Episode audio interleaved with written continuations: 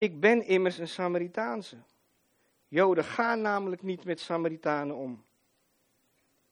Jezus zei tegen haar: Als u wist wat God u wil geven en wie het is die u om water vraagt, zou u hem erom vragen en dan zou hij u levend water geven. We gaan verder naar vers 13. Iedereen die dit water drinkt, zal weer dorst krijgen, zei Jezus.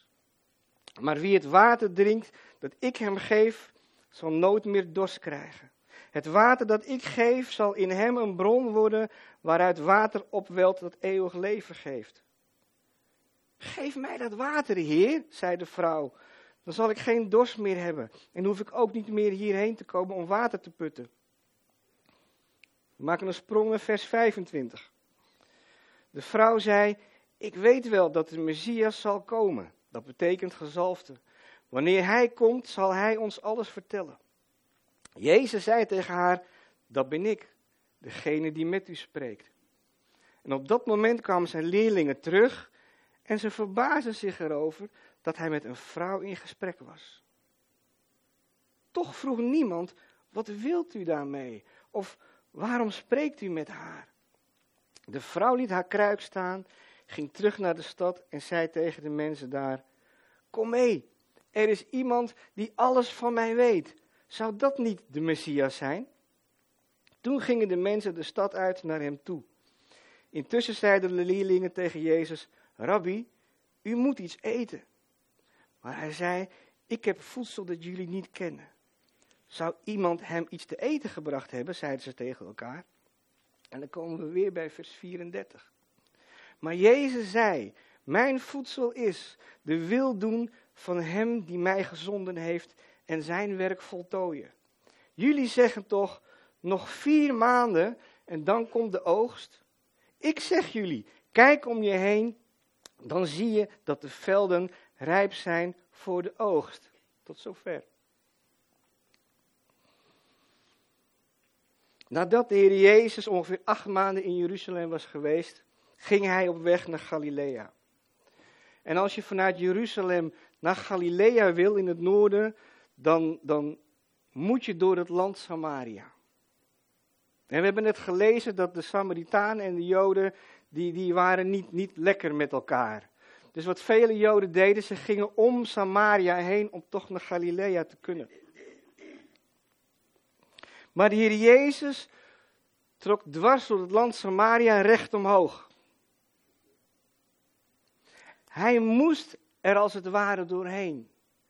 Want de Heer Jezus wist dat hij daar bij de Samaritaanse stad Sigar, hij wist dat hij daar iemand zou ontmoeten die dorstig was.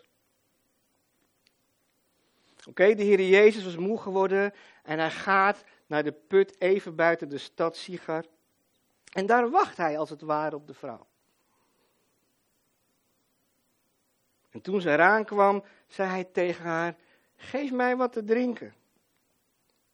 En zij antwoordde in vers 9: Hoe kunt u als Jood aan mij, een Samaritaanse vrouw, om drinken vragen? Want onze volken gaan helemaal niet met elkaar om. Ja, nee, sterker nog, ze leefden in vijandschap met elkaar. En Jezus zei, als u zou weten wat God u wil geven en als u zou weten wie ik was, zou, dan zou u mij om water vragen.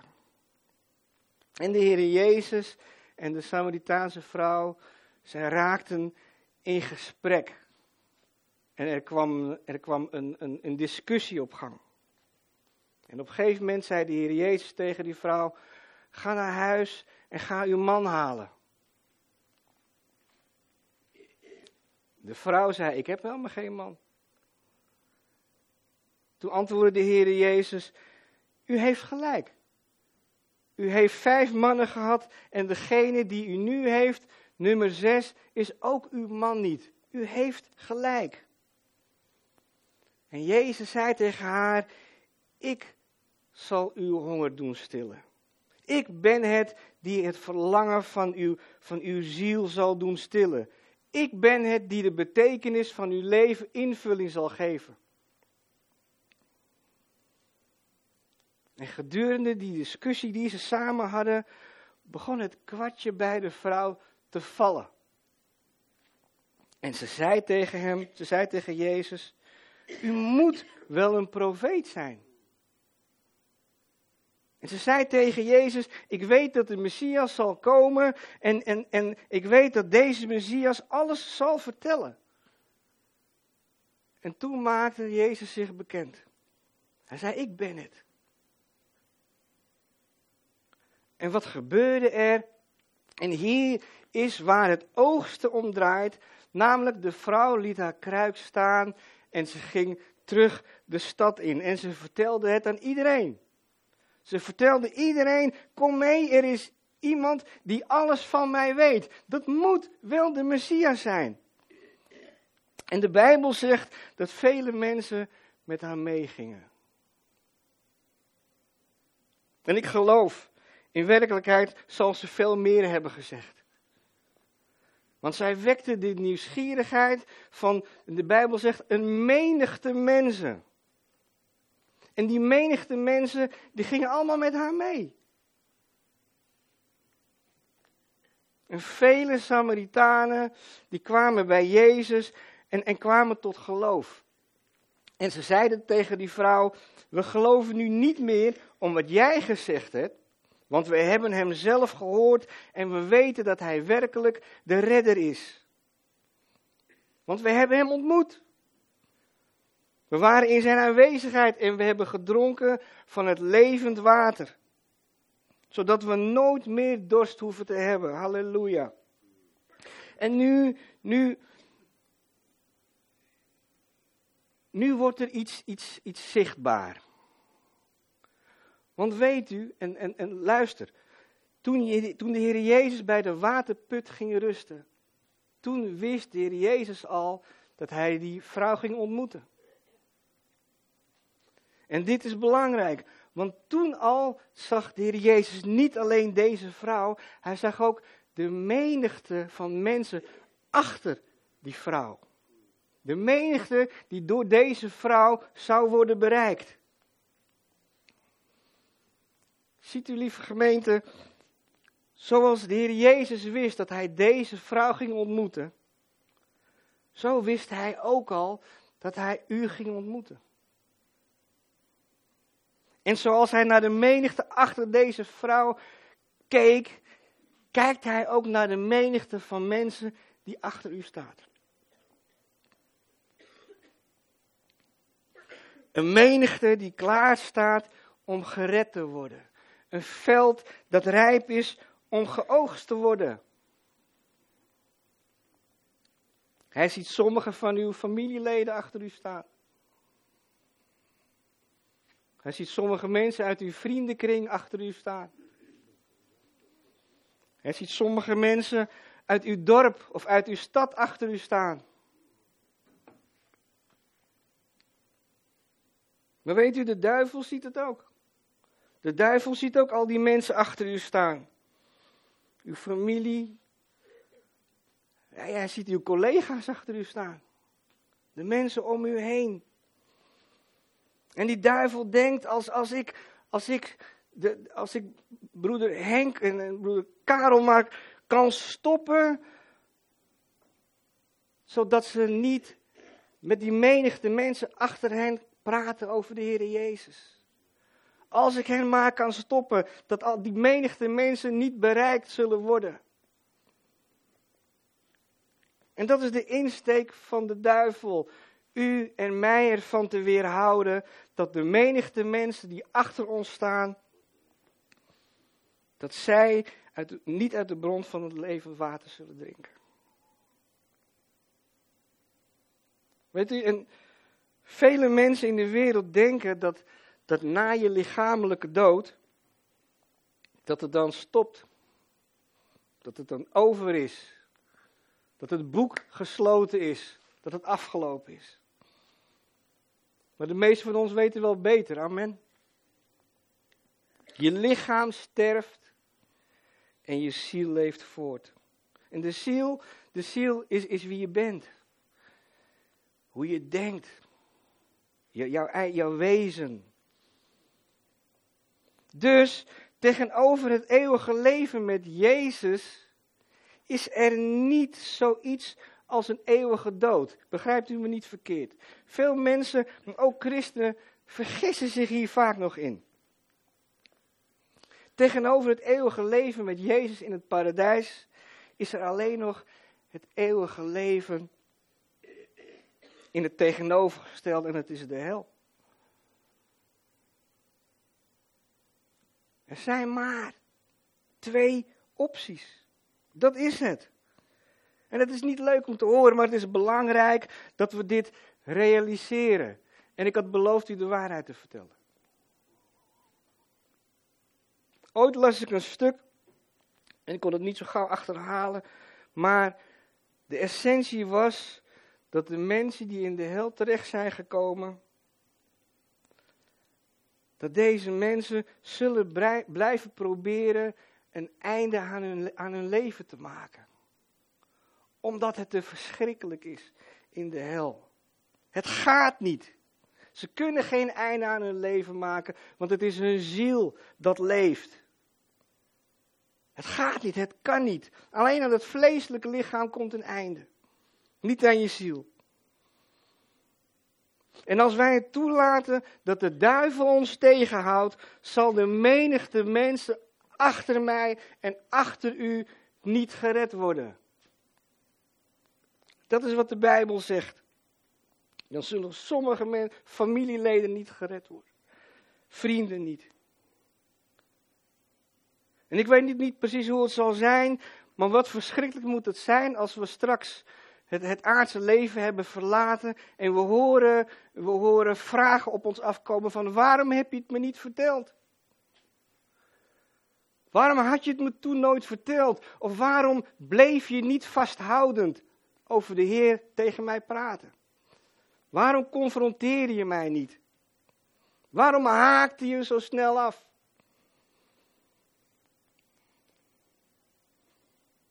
Lieve gemeente, dit is niet een preek over hel en verdoemenis. Nee, dit is een woord van, van, van liefde en van redding. Ja, en naast redding en het eeuwige leven met Jezus in het paradijs, daarmee geeft God ons ook een, een verantwoordelijkheid mee. En, en God zegt, geef me een kans om je te helpen. Geef me een kans om, om, geef me de gelegenheid om die mensen die achter je staan, om ze te redden.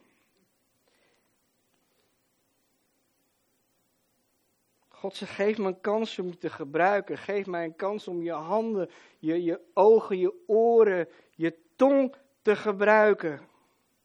Geef me een kans, zegt God. En daarbij zegt God, maar daarvoor heb ik meer tijd met je nodig. En sommigen van ons, sommigen van ons, sommige christenen geven de Heeren zo'n twee à drie uur per week. Op zondagmorgen. Weet je wel, ze komen naar de kerk. Ze doen hun ding, als ik het zo mag zeggen. Ja, oké, vader, dank u wel. U weet wat we nodig hebben. U weet ook wat we niet nodig hebben. En we gaan weer naar huis. En de volgende zondag is het weer. Heer, ga uw gang.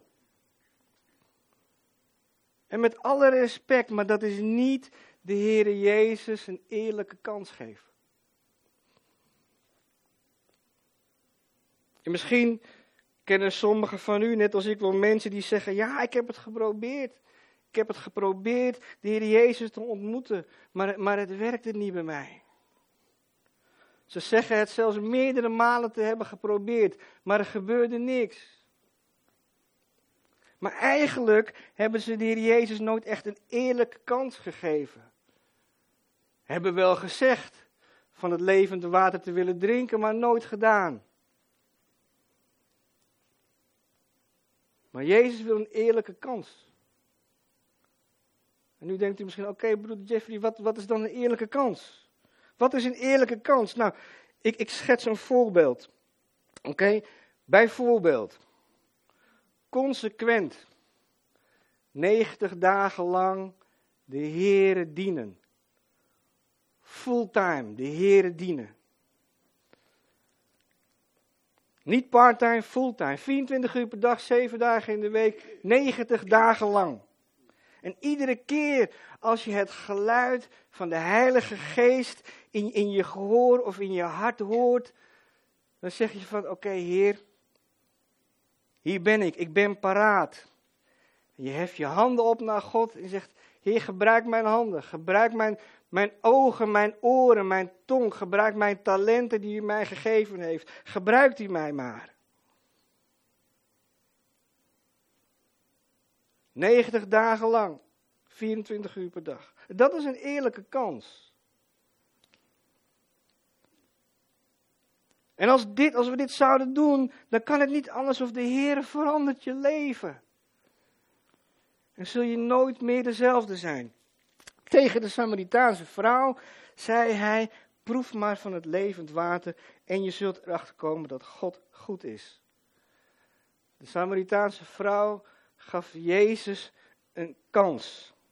En zij proefde van het levend water en zij veranderde. Haar leven veranderde en de levens van de menigte mensen achter haar veranderden.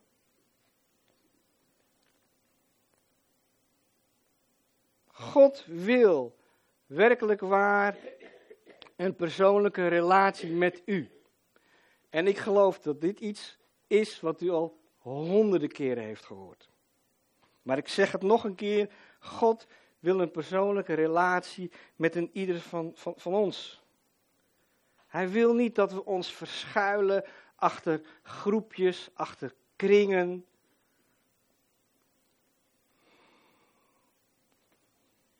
Hij ziet u als een parel in zijn hand, als een individu. En daarom, daarom is er ook geen standaard manier om de Heer Jezus een eerlijke kans te geven. Sta u niet blind op mijn voorbeeld. Bij de een doet God het op die manier, bij de ander op een andere manier. Precies afgestemd op je eigen persoonlijkheid. Er valt ook geen pijl op te trekken. Waar het om gaat, is dat je de Heer Jezus de kans en de tijd geeft je te benaderen. Heer, hier ben ik.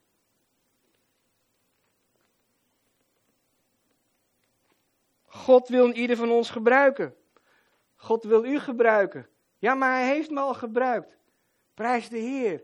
Maar hij wil doorgaan met u te gebruiken. Hij wil niet stoppen. En waarom niet? Omdat de hoog nood is. De, de, de nood hoog is. De velden zijn rijp. De mensen zijn klaar om geoogst te worden. De oogst moet worden binnengehaald. Nu is het de tijd. Want al zo lief heeft God de wereld gehad, dat hij zijn enige geboren zoon gegeven heeft, zodat een ieder die in hem gelooft niet verloren gaat, maar eeuwig leven heeft. Johannes 3, vers 16. De meeste van ons kunnen dit vers dromen. Maar weinigen waren nog niet geactiveerd om mensen te vertellen over Jezus. Zodat zij in Hem kunnen gaan geloven. Om niet verloren te gaan, maar eeuwig zullen leven met Jezus in het paradijs. Weet u, de eeuwigheid is heel lang. En ik had het ook al over de eeuwigheid vandaag.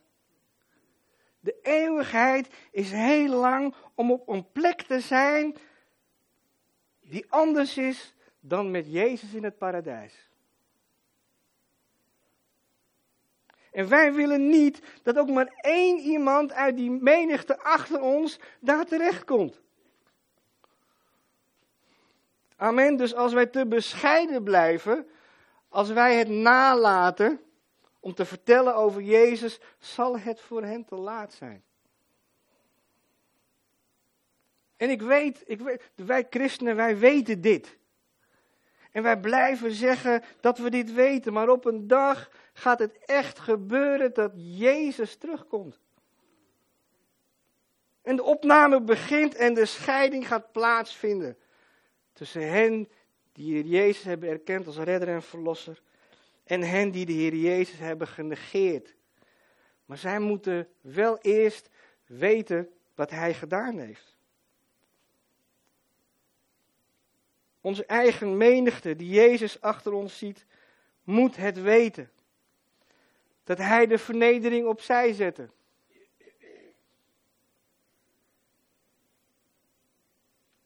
Dat hij negeerde, dat hij werd bespuugd en beledigd. Dat hij het feit negeerde dat een kroon met dorens op zijn hoofd werd gezet. En hij hoefde het niet te doen. Maar hij deed het toch. En hij stierf alleen omdat hij van u houdt.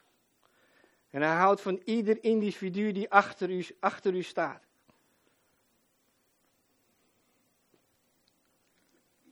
Lieve broeders en zusters, nu is het de tijd om te oogsten. En als we dan gaan oogsten, en we gaan, we gaan er werk van maken, dan worden we geconfronteerd met de problemen van de mensen en van de wereld.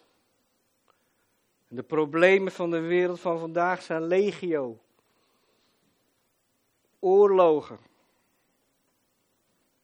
Besmettelijke ziektes. Wat dacht u van het milieu? De opwarming van de aarde, de plastic soep, stikstof, PFAS. Het klimaat is een groot probleem voor de mensheid. En we zien eigenlijk langzaam de, de planeet aarde langzaam opbranden eigenlijk. Smelten van de ijskap, de branden in, in Brazilië, in het Amazonegebied, nu de branden in Australië. Dieren en planten sterven uit. dit, is, dit is een serieus, dit is een serieus probleem. En daarnaast maakt de wereld zich eh, zorgen over de economie. Wat moeten we na de brexit? Handelsoorlogen tussen China en, en, en de Verenigde Staten. Moeten we gas halen uit Rusland, ja of nee? Enzovoort, enzovoort. Allemaal problemen. Maar ook op een ander gebied. Relatieproblemen. Misschien, misschien herkent u, som, sommigen van u dit. Oh, als die op het kerstdiner verschijnt, nou dan kom ik niet. Familieproblemen. Problemen binnen de kerk, gezondheidsproblemen, noem het allemaal maar op. Maar al deze problemen bij elkaar, als we al die problemen, grote kwamen bij elkaar pakken. En we vermenigvuldigen dat nog eens een keer met, met tig miljoen.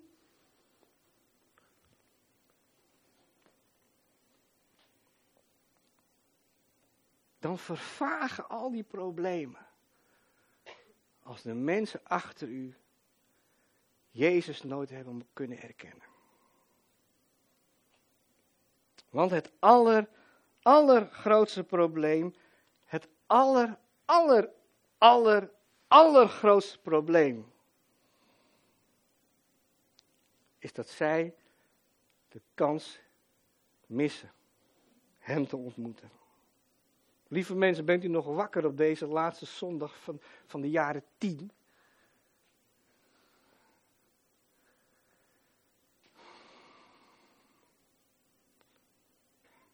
Iedere mens vandaag de dag in de wereld. En er zijn uitzonderingen, want er zijn ongetwijfeld nog volkeren die nog onontdekt zijn. Maar iedere mens heeft wel eens van de Heer Jezus gehoord. Zelfs de grootste atheïst heeft wel eens van de naam Jezus gehoord.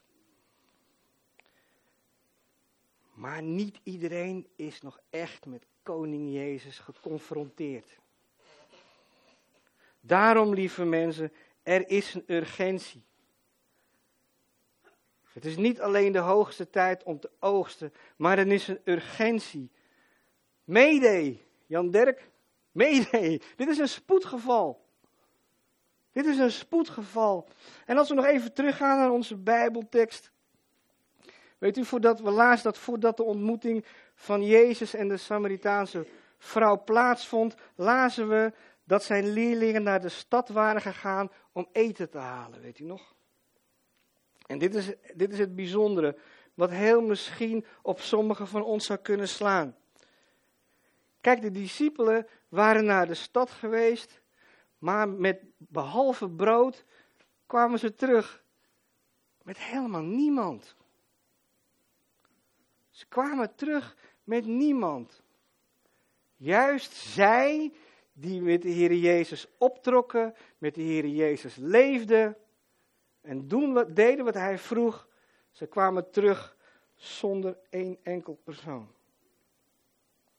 Kennelijk hadden ze in die stad niemand verteld over Jezus. En toen ze terugkwamen met het eten, zagen ze de Heer Jezus in gesprek met de vrouw. En het gesprek liep al ten einde, want de vrouw liet haar kruik staan en ze ging de stad in. En wat lazen we?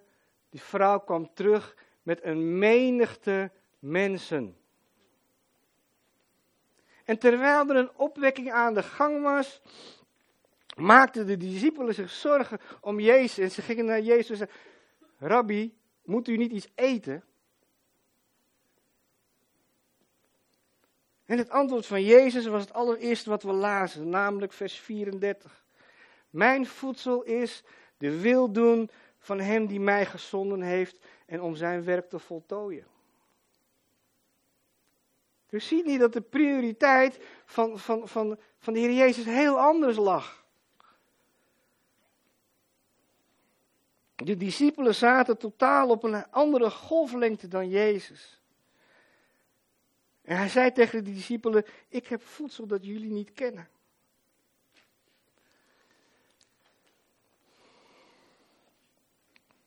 Wanneer we mensen voor de troon van God brengen, geeft dat voldoening aan Jezus. En waarom geeft dat voldoening? Zodat hij niet voor niets ook voor hen aan het kruis is gestorven. Nou, in het licht van deze waarheid, hoe is de situatie voor u vandaag? Op welke golflengte zit u? Bent u afgestemd op Jezus? Maar wat het ook is, het belangrijkste is dat we de zielen van de menigte achter ons, dat we die als prioriteit hebben. Iedereen van u, iedereen hier, die heeft een menigte achter zich. Wellicht weet u nog wat er in Lucas 10, vers 2 staat. En Jezus zeide tot hen: De oogst is groot, maar er zijn te weinig arbeiders. Bid daarom tot de Heer van de oogst of hij de arbeiders wil sturen om de oogst binnen te halen. En ik geloof dat, dat er sinds het schrijven van deze tekst in Lucas, vele honderden jaren geleden, dat er sindsdien veel is gebeden tot de Heer van de oogst. Dat hij arbeiders sturen zou. Amen. En die gebeden, lieve mensen, die gebeden zijn verhoord. Want weet u, die arbeiders, die zitten hier. Die arbeiders, dat zijn wij. En daarom hebben wij die geweldige verantwoordelijkheid van, van, van God gekregen. En over klandizie hebben we niks te klagen, want de oogst is groot. Er lopen nog te veel mensen rond die niet gered zijn. En we kunnen ook nog, we kunnen nog wel vooruit, om een idee te geven. Bijvoorbeeld in, in, in China. Ik ben er een aantal keer geweest en daar zijn bijna altijd, bijna overal echt heel veel mensen. En als er vanaf, en als er in China vanaf nu ieder jaar een miljoen mensen tot bekering zouden komen, ieder jaar een miljoen mensen, dan zijn we de komende 1300 jaar nog bezig. Mits er geen enkele Chinees meer bij komt vanaf nu. De oogst is groot. En de oogst is nog groter in de rest van de wereld. Ondanks het feit dat de mensheid al duizend jaren bestaat, is het nu de tijd? Is het nu urgenter dan ooit om te oogsten? En ik zal je uitleggen waarom. Kijk, in het jaar 1. In het jaar 1 werd de wereldbevolking geschat op, uh, op ongeveer 300 miljoen mensen. In het jaar 1900 zaten we op 1600 miljoen mensen. 1,6 miljard. Jaar 1 300 miljoen. 1900 1,6 miljard. 1600 miljoen. Nu, uh, 2019.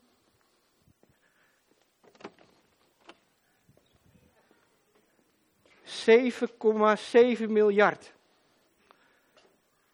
Dus 7700 men, miljoen mensen.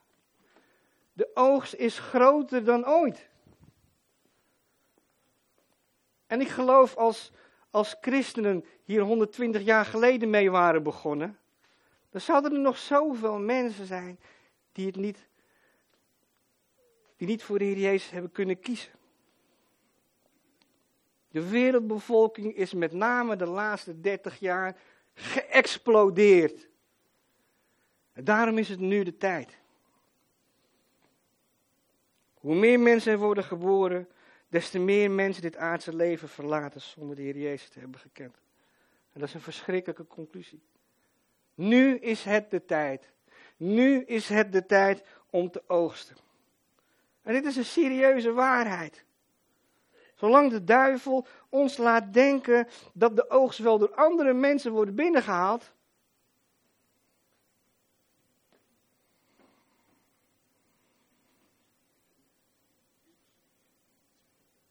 Als we om ons heen kijken, zouden we net als de discipelen ook zeggen. Over vier maanden, over vier maanden, dan is het oogsttijd. Weet u, we gaan wel in april oogsten. Dan is het dan wat minder koud, dan gaan we erop uit. Dat is een stuk makkelijker. Maar Jezus zegt vandaag, de menigte is er nu klaar voor om te worden geoogst.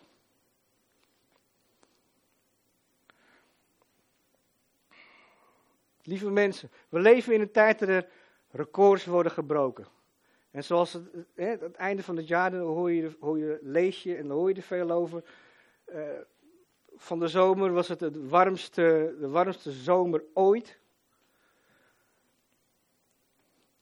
En nog, nog veel, de, de, de orkaan op de Bahama's, die was, er is nog nooit zo'n heftige orkaan geweest. Ze hadden het uh, gezet in de categorie 5. Er is ook geen categorie 6, maar ze, zijn, ze waren aan het denken om er een nieuwe categorie aan toe te voegen. De heftigste orkaan ooit. Halverwege dit jaar was de waarde van goud nog nooit eerder zo hoog geweest. En ik kan nog even doorgaan met grootste, hoogste, verste, drukste. De records stapelen zich op. Dit is de tijd van de records. Maar weet u, ik wil u, ik wil u aanmoedigen om uw eigen record te gaan verbreken. Om uw record van, van het zielen tot Jezus te brengen te gaan verbreken. Doe je jas van verlegenheid maar uit. Doe je jas van, van terughoudendheid uit. Doe je jas van, van angst misschien, doe die allemaal maar uit. En hou die jas van, van wijsheid, hou die aan. Het is de juiste tijd om te oogsten. Ik kan het niet vaak genoeg zeggen. Er is een urgentie.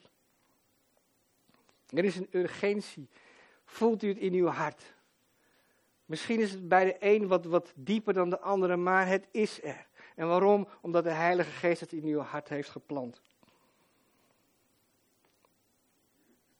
God heeft beloofd in zijn woord dat de Heilige Geest u zal helpen om de woorden te vinden in gesprekken. En misschien heeft u al vele malen bot gevangen bij, bij bekenden of familieleden. Maar stop er niet mee. Stop er niet mee. Geef de Heilige Geest de ruimte om u te helpen bij de oogst. Nu is het de tijd. Halleluja. Ik denk dat ik, ik, denk dat ik er ben.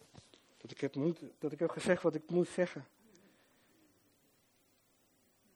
Halleluja. Ik, ik, ik wil u niet alleen alvast de beste wensen toewensen. Maar ik wens u de beste toe. Ik wens u en de menige achter u de beste toe. En dat is de Heer Jezus. Amen.